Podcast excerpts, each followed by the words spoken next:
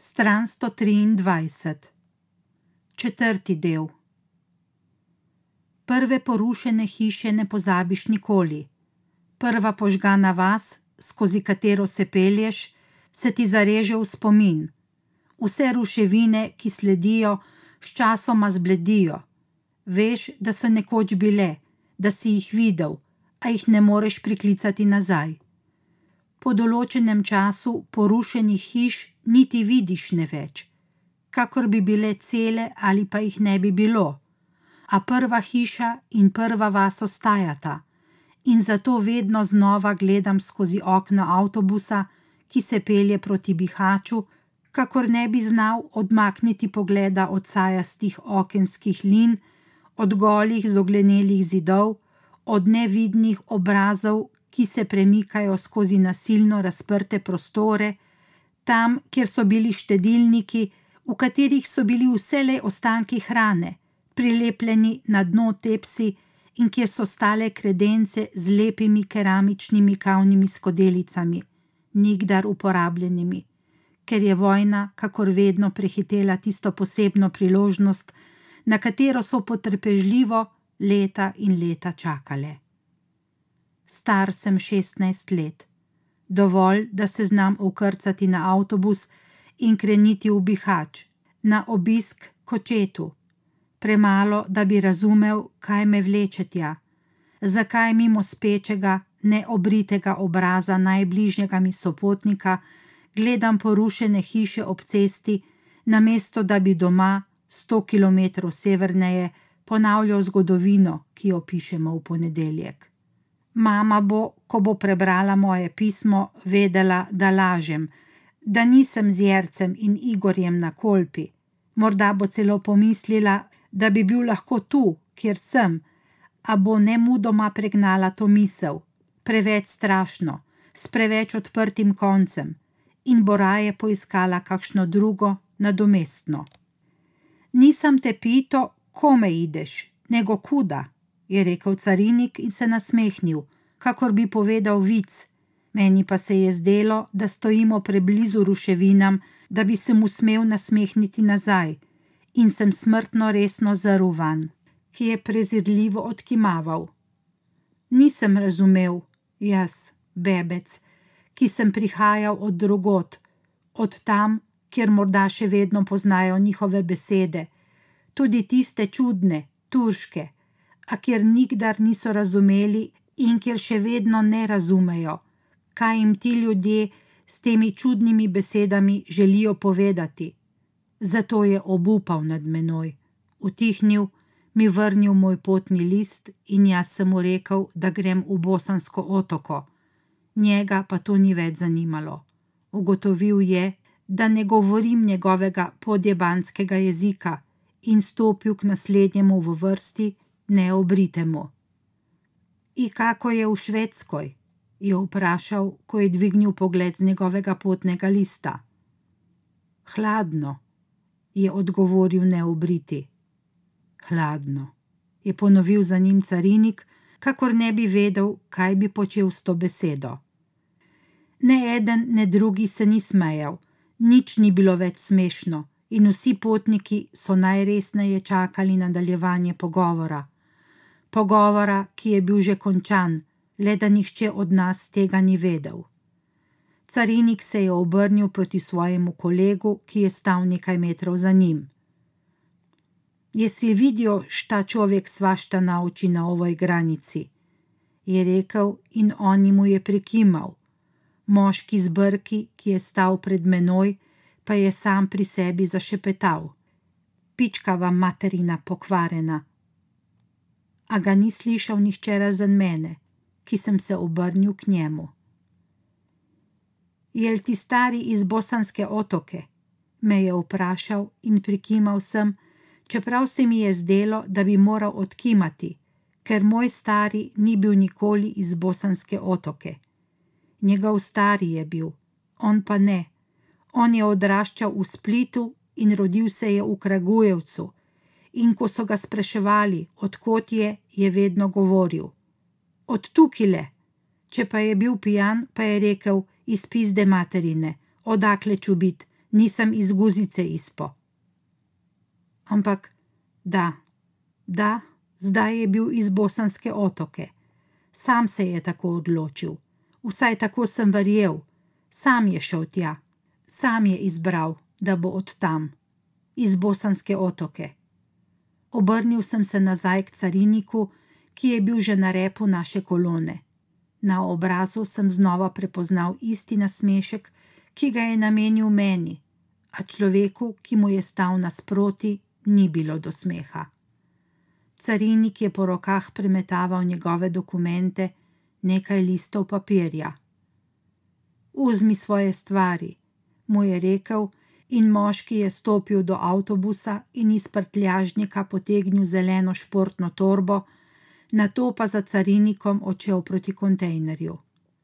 Za njima so se zaprla vrata, nam pa so ukazali, naj se vrnemo v avtobus. In ukaz smo tudi izvršili. Nihče razen mene se ni oziral proti zaprtim vratom, za katerimi je izginil naš sopotnik. Nihče se ni vprašal, ali bi lahko za njim izginil kdorkoli izmed nas, a so po naključju izbrali njega, ker je stal zadnji v vrsti ali ker je imel čeljust malce izbočeno in ker je nosil prekratke hlače. Vsi potniki so se mi zdeli ranljivi, vsi bi imeli lahko ponarejene dokumente. Nihče se ni zdel prepričan, da bo prečkal mejo, ker nihče ni verjel, da zares obstajajo jasna pravila, po katerih prideš na ono stran. Vsi so vedeli, da se nahajamo v prilagodljivem svetu. Celo jaz, ki sem bil tu le enkrat predtem, davno, še v onih časih in zato smo si vsi oddahnili, da nismo sami končali v kontejnerju in da nam je bilo dovoljeno vrniti se na avtobus. Ko se povspnem na avtobus, slike izginejo. Moji prvi kilometri po vojne Bosne so le vonjave, so le smradovi živčnih in utrujenih potnikov, ki se širijo iz njihovih neumitih podpazduh, nesplaknjenih ustnih votlin iz lepljivih las, polnih cigaretnega dima, iz kože, v katero se je zažrla vlaga neudobnih skupnih ležišč, iz pljuč, ki izdihujejo zrak tovarniških mens in peronarskih beznic, iz ponošenih čevljev, ki so prehodili begunska taborišča, urade za tujce, razpečevalnice humanitarne pomoči. Slabo mi je na tem avtobusu se nočem ničesar več dotakniti. Strah me je teh smrdljivih ljudi. Stopil bi z avtobusa in šel domov. Želim si sveže opranih rjuh in pomitih tav v kopalnici. Želim si osvežilca zraka na stranišču. Nikogar več na tem avtobusu ne upam pogledati v oči. Njihove oči so črne luknje, njihovi nohti so kremplji moj želodec pa ne prenese nepastariziranega mleka, moja koža je alergična. Jaz nisem iz bosanske otoke, jaz nisem z tega avtobusa. Sedežev, s katerih se, ko udariš po njih, dvigujejo oblaki prašnih delcev. Jaz sem od drugot in bi se rad vrnil tja, ker me tukaj duši smrad po ljudeh, smrad po prežganem in po smodniku in po krvi, jaz pa dišim po maliciji. Kakšen moški pa si, če je ne uporabljaš, je rekla ženska na televiziji. Zato dišim po maliciji, čeprav moje telo še ne oddaja neprijetnih vonjav, saj imam šele šestnajst let in le tu pa tam kakšno dlako, ne smrdi mi iz ust, ker moja zobna pasta preprečuje nastajanje karijesa skozi okno ničesar ne vidim. Trohneča telesa sopotnikov mi zamegljujejo pogled. Ne vem, kakšna je Bosna, niti nočem vedeti. Hočem nazaj, nazaj domov. Zakaj niso mene odpeljali v kontejner? To bi me rešilo pred tem, da moram stopiti z avtobusa tam, kjer ob robovih cest ni pločnikov, da moram izstopiti na avtobusni postaji v Bihaču, kjer je obljubil, da me bo počakal. Prvič je rekel, da bo prišel na mojo valeto, a v resnici nisem želel, da pride. Valeta je bila že brez njega preveč stresna. Štirinajstletnike so oblekli v klovne s kravatami in metuljčki, v srajcah starejših bratov in v oblekah očetov smo se počutili idiotsko. Že kmalo pa nam je bilo vseeno. Vsi smo razmišljali le o tistem, kar bo prišlo potem, ko bomo šli v superli.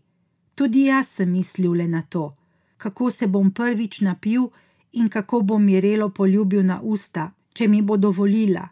Če mi pa ne bo, jo bom prijel za joške in ne bom spustil, in potem se ne bova nikoli več pogovarjala in bom ostal prasec. A toliko sem si bil dolžan, obljubil sem si en močan, nepretrgan stisk njenih joškov, to lažilno nagrado za vse tiste mesece sanjarjen o njej. Tudi Sanelu, Primožu in Damirju sem obljubil, da jo zašlatam. Valeta je bila vsa o Mireli in o zalizovanju in o šlatanju. Na njej ni bilo prostora za Safeta. Že brez njega sem bil dovolj živčen. Že brez njega mi je bilo slabo in sem izbruhal vse bambus 15 minut po tistem, ko sem ga spil in sem bil trezen kot če nikoli in se nisem upal Mireli niti približati. Že brez njega sem si želel le, da se vse skupaj čim prej konča, ker sem vedel, da nima smisla hoditi trezen v superli. Očetova neizpolnjena obljuba je bila pravzaprav edino, kar me je veselilo tistega dne, edino, kar me je vsaj malo pomirilo. Ena skrb manj, ampak v resnici niti nisem verjel, da bo prišel. In ker je tudi mama govorila, naj ne računam na njega, mama je bila jezna, ker je rekel, da pride. Naj bo vsaj tiho, je ponavljala. Vedela je, da ne bo prišel, in je tudi mene pripravila na to, mi pomagala, da sem lahko razmišljal le o Mireli in o najnem zalizovanju v superliju, o tem, kaj ji bom rekel, preden jo bom poljubil, ali ji bom sploh kaj rekel, ali bo šla z nami v superli, ali bo vsaj za trenutek sama, da bom lahko pristopil, ali bom dovolj pijan, da se ne bom v zadnjem trenutku uprpil in si premislil, ali me bo zalizala nazaj, ali pa me bo zašamarila.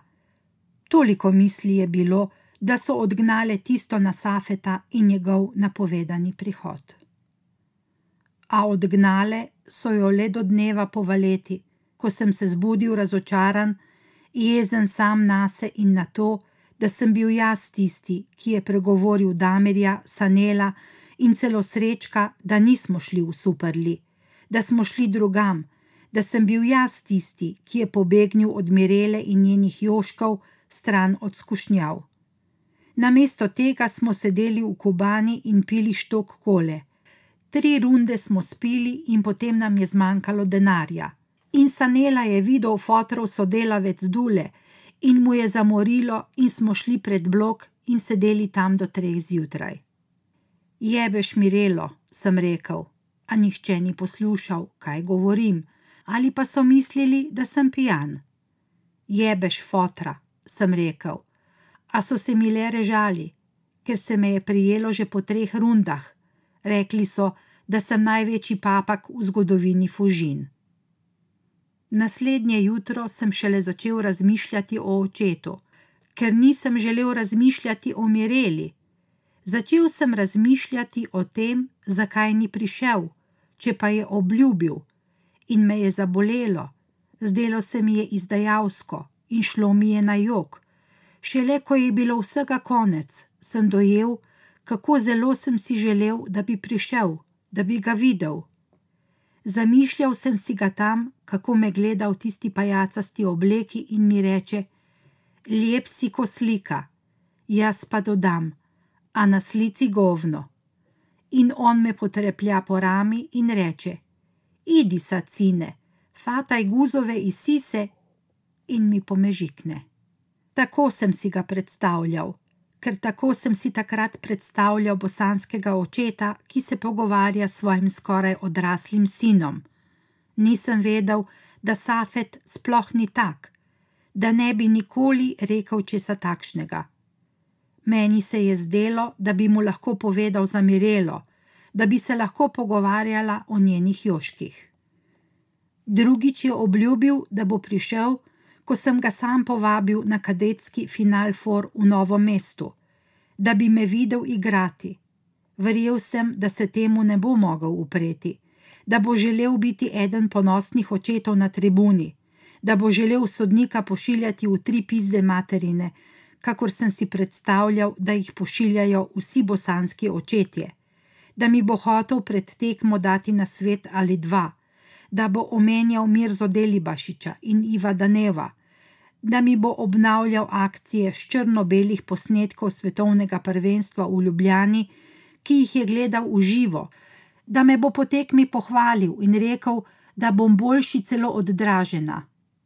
Nisem ga poznal in v mojih predstavah je bil Safet takšen, kakršni so bili drugi bosanski očetje.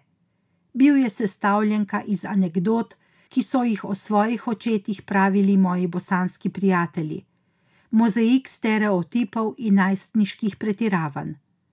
Morda je bilo bolje, da takrat ni prišel, ker ne bi izpolnil mojih pričakovanj, ker ne bi odigral uloge, ki sem mu jo namenil, ker bi verjetno tiho tičal v kotu dvorane, drugačen kot je bil, ko je pred petimi leti odšel, ker bi bil najbrž tak, kakršen me je pričakal na avtobusni postaji v Bihaču, shujšan in postaran, čudno oblečen, tak, ki mi je ponudil roko in me vprašal, kako sem potoval in ali sem lačen.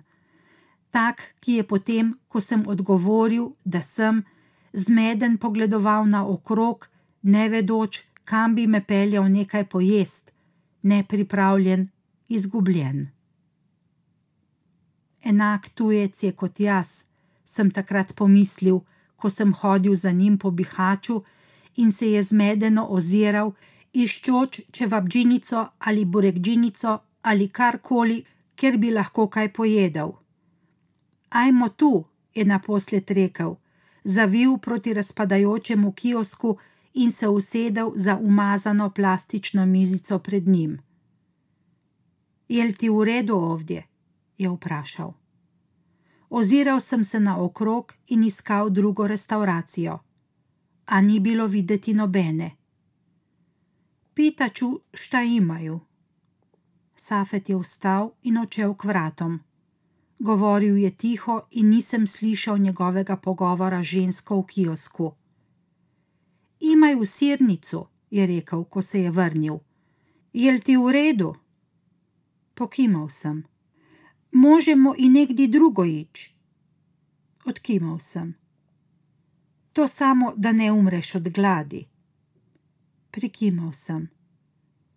Ako ti nije u redu, možemo otići. Otkimao sam. Ima sigurno dole negdje neka čevapđinica. Otkimao sam. Ako hoćeš ćevape. Otkimao sam. Nemoj si libit reći. Stran 130. Zamišljal sem si ga na finalni tekmi proti Krki, med drugimi očeti na tribuni, kako stoji med njimi, ki so se vsi poznali med sabo, ki so po imenu poznali vse moje soigravce in vse igravce Krke, sodnike, trenerje, publiko v dvorani. In videl sem te znane obraze, kako se ozirajo proti njemu in se sprašujejo, kdo je, in odkot se je vzel, tako oblečen, tako izgubljen, kakšen čefur. Sem slišal še petati mularijo, na skrivaj so se smejali njegovim čevljem, njegovim belim nogavicam, njemu. Še dobro, da ni prišel na tekmo. Je bila moja prva misel, ko sem ga zagledal na avtobusni postaji v Bihaču. Bilo me je sram te misli, sram me je bilo, da se ga sramujem a tak je bil. V Ljubljani bi kdo pomislil, da je klošar ali vsaj alkos. Zemljakovemu fotru je bil podoben in on je bil hud alkos. Predvsem pa je bil Safet podoben ljudem z avtobusa Ljubljana Bihač, podobno zanemarjen, zaudarjajočega videza, propadel, zdelan, ubit. A tega nisem vedel takrat, ko sem se oziral za njim po novomeški dvorani, ne meneč se za logiko, ki je govorila, da se Safet ne bi kar pojavil na tribuni. Čakal sem njegov klic, čakal njegov prihod, čakal sem. In ko mi je mama rekla, da ga najbrž ne bo, sem prvič v življenju zakričal na njo. Rekl sem ji, naj odjebe s takimi. Prvič je bila moja beseda zadnja, prvič je ona le obmoknila, bila je nemočna, ujeta med mojo željo in Safetovo nemočjo, da to željo izpolni. In tudi sama je komaj čakala, da pride vikend, da odigramo polfinalno tekmo proti Mariboru in potem še finalno proti Krki. Navijala je, da bi zmagali, a ne toliko zaradi zmage, ampak zato, ker je upala, da bo moje veselje preglasilo Safetovo prelomljeno obljubo, da bo preglasilo razočaranje. A nasprotno je razočaranje preglasilo veselje. Še po koncu tekme sem besen pregledoval polne tribune staršev, bratov, sester, prijateljev, ki so bile zame večji tekmec od fantov na igrišču.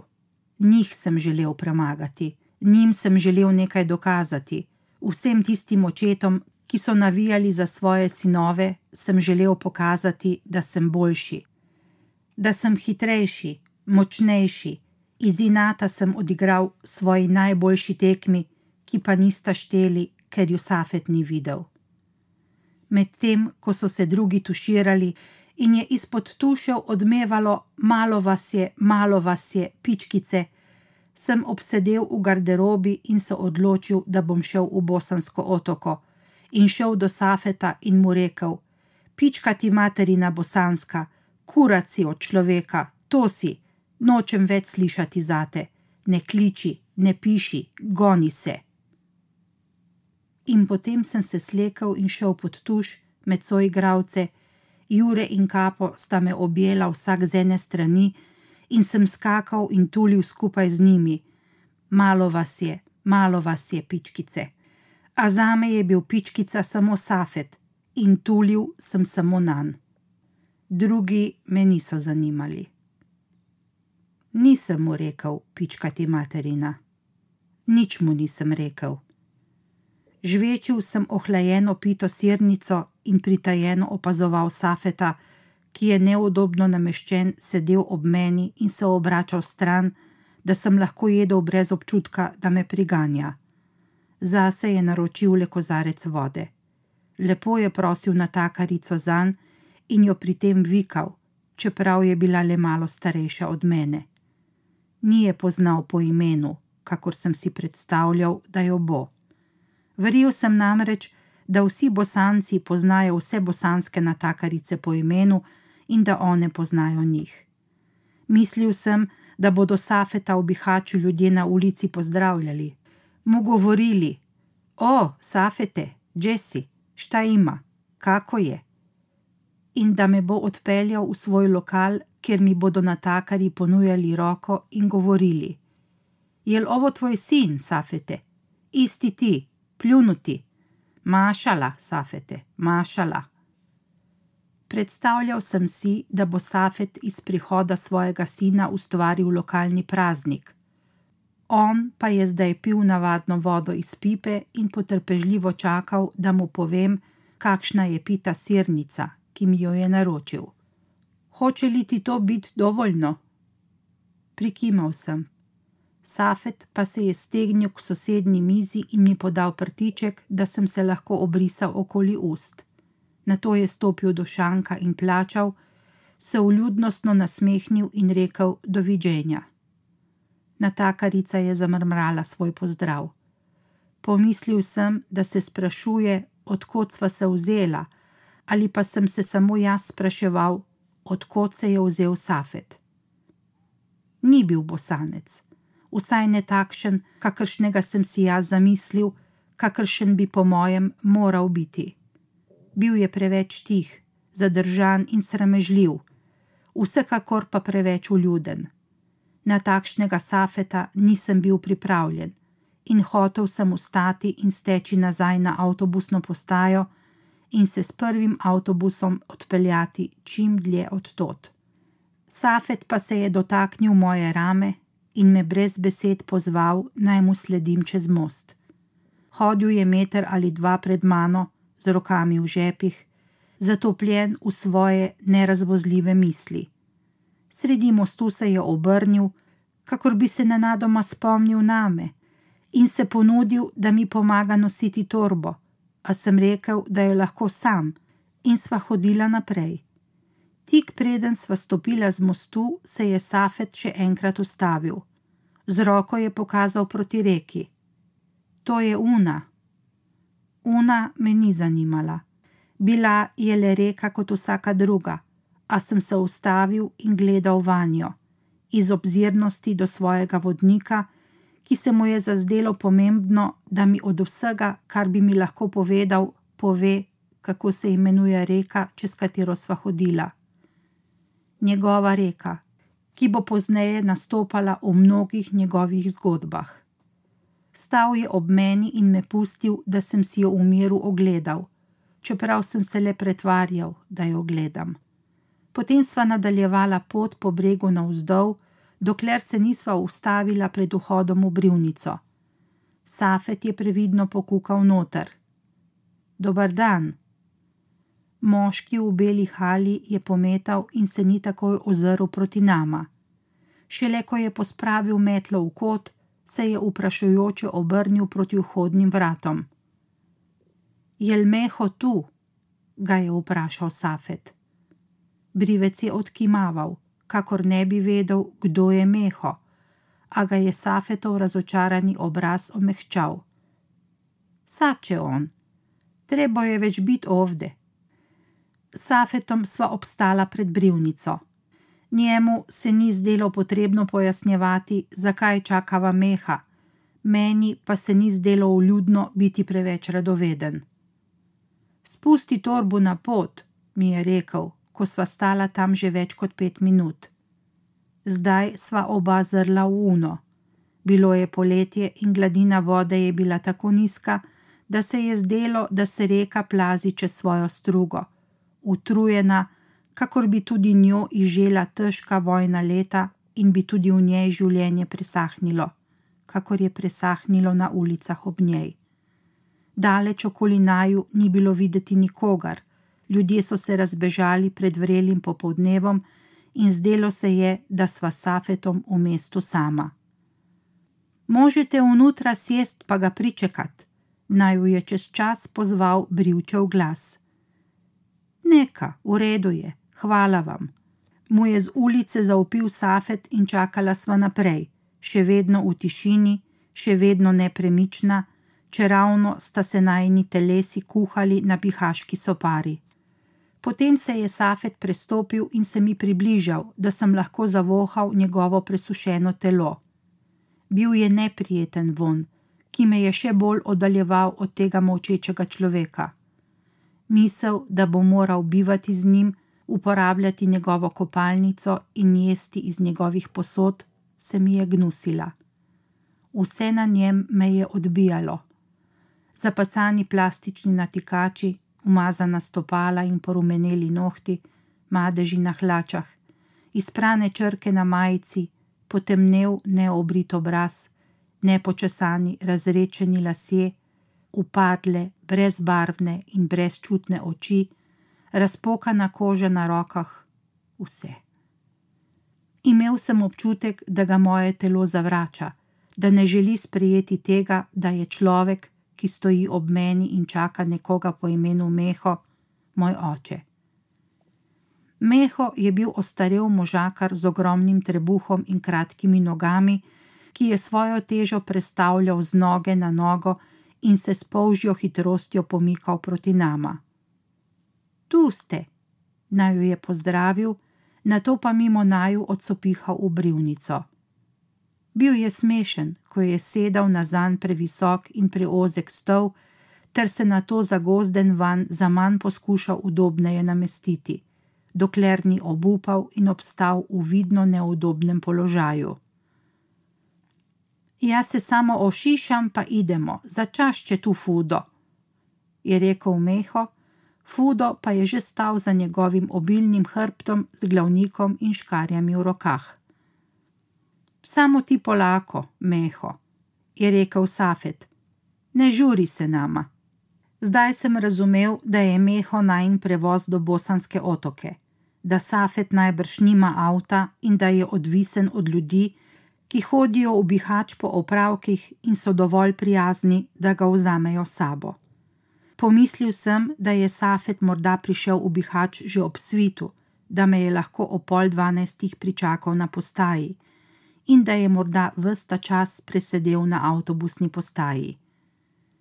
Tiha, za mimo idoče neopazna pojava, skrita v kotu na prazni avtobusni postaji, stisnjena, kakor bi ozeblo, s požensko prekrižanimi suhimi nogami, pobešeno glavo in nalahno pozibavajočim se desnim stopalom, ki edino še kaže znake življenja.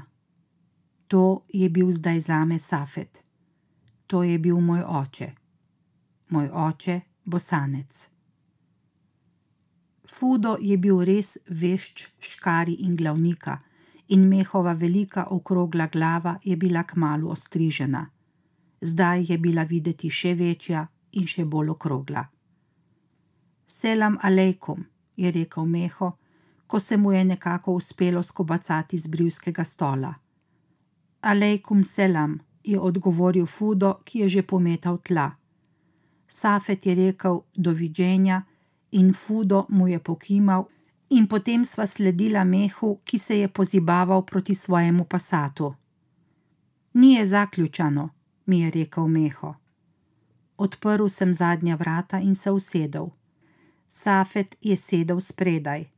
Bilo je vroče in zadušno, in pasat je smrdel po prepotenem debeluhu in prepotenem suhcu. Trikrat ga je meho prižgal, preden je dokončno speljal, in je skozi okna zapihala odrešilna sapica. Neče više dolgo, je rekel. Dok on vozi nekaga, je rekel Safet, in potem sta utihnila, da se je lahko meho posvetil vožnji. Zapeljali smo iz Bihača proti bosanski krupi.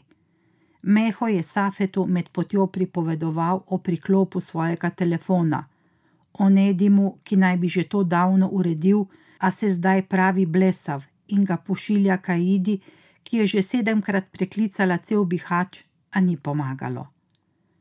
Meho je govoril, Safet je z občasnimi vzdihi in medmeti spremljal njegovo pripoved, jaz pa sem že kmalo izgubil nit in nisem več sledil, kdo je koga klical, kdo je čigav brat in kdo bi moral kaj narediti, a ni. In sem odsotno gledal uno, ob kateri smo se peljali. Pustil sem, da mi hitra mehova vožnja zabriše sliko in si skušal izprazniti glavo. Želel sem, da bi ta vožnja trajala in trajala, da ne bi nikdar prispeli v Bosansko otoko, da ne bi s Safetom nikdar več ostala sama in se mi ne bi bilo treba pogovarjati z njim. Vse bolj se mi je upiralo neizbežno izkrcanje iz mehovega pasata vse bolj sem si želel biti nekje drugje, kjerkoli, da bi bilo le daleč od tod. Hotel sem biti doma, z mamo, v svoji posteli, sam. Želel sem si, da se debeli človek za volanom ne bi nikdar ločil od naju safetom, da bi njegova nejasna pripoved o izklapljanju in priklapljanju telefonov zavedno polnila prostor med mano in mojim očetom, ki ga nisem prepoznaval. Večerilo se je, ko sva sedela pred nanino hišo in gledala proti reki. Safet je odprl pivo, otočil malo v kozarec in mi ga ponudil, ne da bi me vprašal, ali že pijem. In medtem, ko sva opazovala, kako se na nasprotnem bregu ribiča odpravljata domov, je on govoril o nečem, kar me ni zanimalo in čemu je bilo nemogoče slediti. Ene same njegove besede se ne spomnim več. Safet je govoril mimo mene, a govoril je dolgo in nepretrgano, kakor da bi se bal ustaviti. Vmes se je zmračilo in vmes je njegov obraz prekril mrak, a razen takrat, ko se je iz teme zaslišalo odpiranje nove piksne in je njegovo pripoved za hip prekinila kipeča pivska pena in je moral Safet s hitrim pitjem preprečiti njeno razlitje, je govoril v enakomernem počasnem ritmu, ne ozirajoč se name in na to, ali ga sploh poslušam. In ko je končal, je vstal, se pretegnil, mi vzel še neizpraznjeni kozarec iz rok in ga odnesel v hišo. Mislil sem, da se bo vrnil in nadaljeval svojo pripoved. A namesto tega sem zaslišal curek vode v umivalniku v kopalnici. Safet se je umival pred spanjem in potem je le še zastal pred vhodnimi vrati, mi rekel lahko noč in me pustil v temi pred hišo. Pustil me je tam z njo, ki ni prišla z menoj in po kateri me ni spraševal z njo, ki je ves večer ostala neomenjena. Sedela je tik ob meni in gledala za njim, in potem se je tudi sama dvignila, mi rekla lahko noč in mu sledila v hišo. Razločno sem slišal, kako odpira vrata Safetove sobe in videl, kako izginja za njimi. Ona, neomenjena, ki je ostala doma, a je bila vse čas tu z nama. Že v Bihaču je skupaj z menoj stopila z avtobusa in niti za trenutek naj jo ni Safetom pustila samih. Stran 137. Zjutraj sva mu očepo zatrkovala, oziroma sem jaz zatrkoval, Safet pa je sedel ob meni. Kupil mi je štruco kruha, tri paštete in liter mleka. Kot otrok sem bil tako nor na kokošje paštete argeta, da sem jih jedel brez kruha. Razmišljal sem, ali si je Safet to zapomnil, ali pa v trgovini ni bilo drugega. Ti ne boš jedel? sem ga vprašal. Ne pa še mi jest ujutro, je rekel in očel v kuhinjo. S hrbtom je bil obrnjen proti meni, a sem kljub temu videl, kako si je natočil kozarček rakije in ga spil na eks na to pa hitro pospravil steklenico in kozarček nazaj v omaro. Ko sem bil pri njem, ni veliko pil. Čez dan sploh nič. Zvečer je popil pivo ali dve in zjutraj je popil eno rakijo. A zvečer je pivo brez zadržkov delil z menoj, jutranjo rakijo pa je pil skrivaj, kakor bi bil greh. Vrnil se je in me vprašal, ali sem končal z roko pometel drobtine na tla in odnesel ostanke hrane v kuhinjo. Jadrane, hočeš li, da idemo v kupalište? A na bazen, sem vprašal. Kakav bazen, ludo, nema ovde bazena, kupalište na reci. Prisiljeno sem se nasmehnil, čeprav mi ni bilo prav, da mi je rekel ludo pa tudi kopanje v mrzli reki me ni privlačilo. A mi je bilo zdaj že vseeno, kaj počneva do mojega večernega odhoda. Samo da se čim prej dokopljem do svojega sedeža na avtobusu. Poleg tega mi je bila misel na sprehod ljubša od nadaljnega posedanja s Safetom. Ajde onda, je rekel in zakorakal proti vodi. Hodil sem za njim po oski potki in počasi sva se oddaljevala od mesta, katerega glasovi so čez čas povsem potihnili. In takrat je Safet s potke zavil proti reki. Med dvema drevesoma je bil ozek, kakšen meter širok pas nizkega rastja, po katerem si se lahko prebil do vode.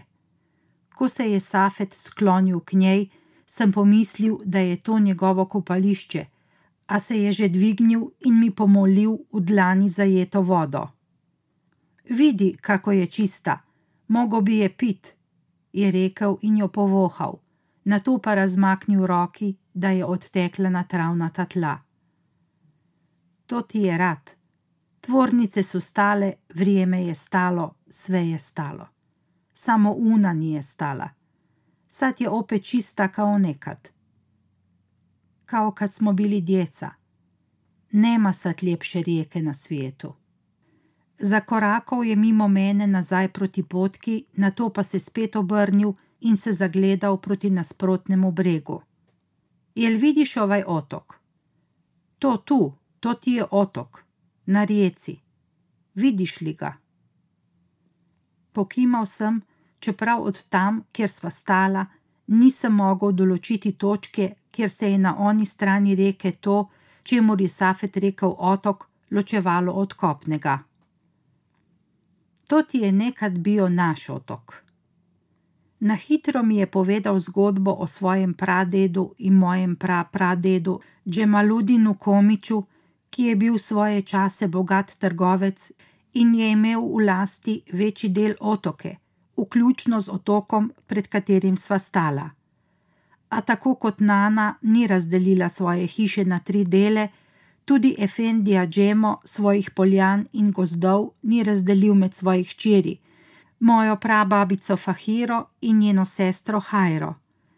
Delitev je bila po Džemaludinovi smrti prepuščena njegovim zetom, mojemu pradedu Jusufu in Hajrinemu možu Rusmirju.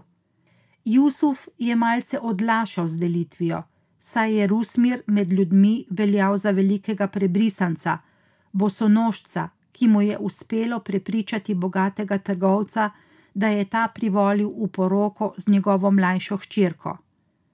V nasprotju z njim je bil pradet Jusuf, ki je od Džemaludina nasledil njegovo trgovinico in veliko družinsko hišo, v kateri sta živela s Fahiro in njenim dolgo umirajočim očetom, znan brezbrižnež in razsipnež, ki je bil bolj vešč zapravljanja kot služenja denarja bolj kot po svojih trgovskih spretnostih je bil znan po tem, da je dosti krat sredi dneva, v času najbolj živahnega trgovanja, zaprl trgovino in odjahal na svojem belem konju. Do Krupe, do Bihača, včasih do Banjaluke in ba je še dlje, do Dunaja, se je govorilo, čeprav o tem njegovem potovanju ni bilo nobenih dokazov. Naposled se je Jusuf le vdal ustrajnemu fahirinemu prigovarjanju, naj zemljo z Rusmirjem razdelita, da bosta lahko kakšen manjši kos prodala in povrnila katerega od številnih dolgov.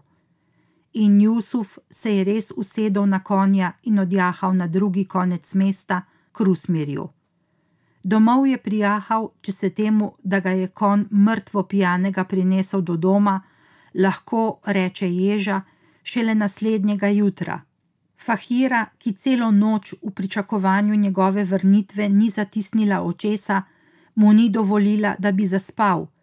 Vedro mrzle vode je zlila nan, da bi ji zmogel povedati, kaj sta se z Rusmirjem dogovorila. Reka Una, je rekel Jusuf, poslej razmejuje moje od njegovega kar je Džemaludinove zemlje na najnem bregu, je zdaj moje, kar je je na Rusmirjevem bregu, je zdaj njegovo. Fahirino srce se je ustavilo. Na najnem bregu sta le najna hiša in tista nič vredna zemlja za Hamdijino hišo, z gozdom poraščen hrib in nič več. Samo to, črni Jusuf, samo to. Je hlipala uboga Fahira, On pa jo je vprašal, ali ti ni to dovolj, Fahira. Ti je česa premalo. Ti je premalo hiš in zemlje in gozda za eno življenje. Kaj pa otok? Kaj pa otok, ki ni ne na najnem, ne na njegovem bregu? je še vprašala obupana Fahira.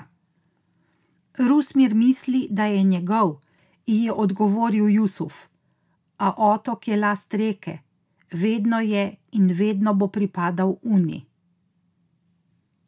Ti in ja, mi smo Jusufovi, džabati sve, je Safet zaključil svojo pripoved in v svojih natikačih lahkotno zakorakal naprej proti kopališču.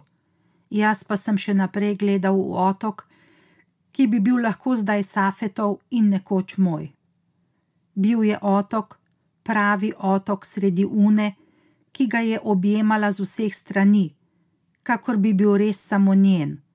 A jaz sem se videl, kako na njem pričakujem ljubljanske prijatelje, kako jim ponosno razkazujem košček svoje zemlje, svoje malo otoško kraljestvo. Safetovo kopališče je bilo dobrih deset metrov obrežne čistine in meter, morda dva rečne plitvine, kjer si lahko zakorakal v vodo.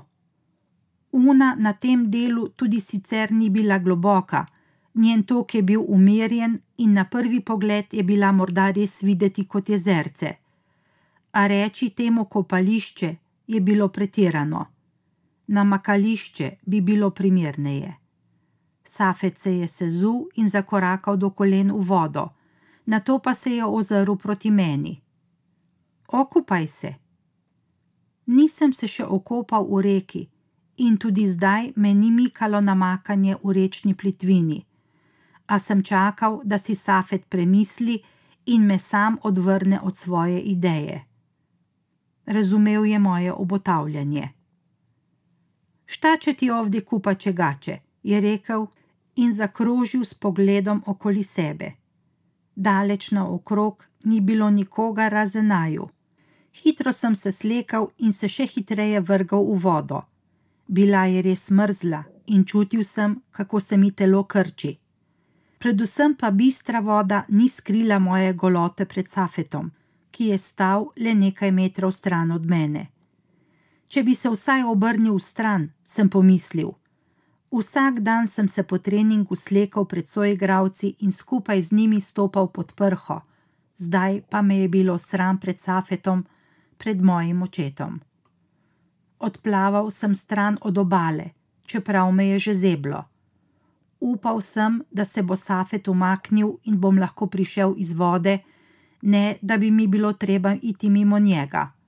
On pa se je usedel na tla, namočil noge v vodo in nastavil obraz pripekajočemu soncu. Bil je moj oče in ni bil. Nisem ga hotel za očeta, vsaj ne tega tujca, v čigar bližini me je mrazilo. Želel sem si, da bi izginil ali da bi izginil jaz. Morda sem ga v tem trenutku celo sovražil. Zaplaval sem proti bregu, skočil iz vode in se oblekel, kakor hitro sem mogel. Obstal sem s hrbtom obrnjen proti njemu, oblečen, a še vedno sem se počutil golega in se trudil umakniti njegovemu pogledu, ki sem ga čutil na sebi. Želel sem se pokriti z rokami, počepniti, pokrčiti, se skriti, a sem samo stal tam in gledal predse, v neprehodno obrečno goščavo. Na to sem zaslišal njegove korake. Safet je krenil proti domu in počakal sem, da se je toliko oddaljil, da mi je izginil izpred oči. Moj odhod se nezadržno bliža, sem se tolažil. Le še nekaj ur mora miniti in bom Safetu pomahal v slovo. In to slovo bo dokončno.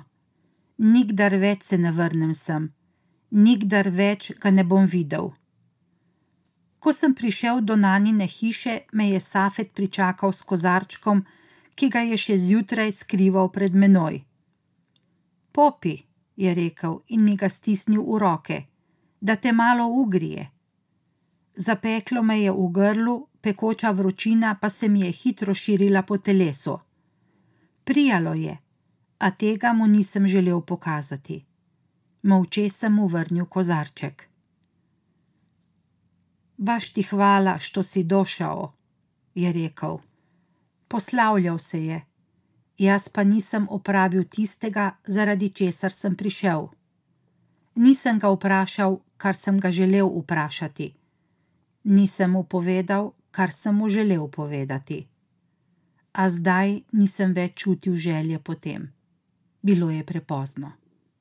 Tudi nje nisem hotel omenjati. Hvala tebi, sem rekel in odšel v hišo spakirati svoje stvari.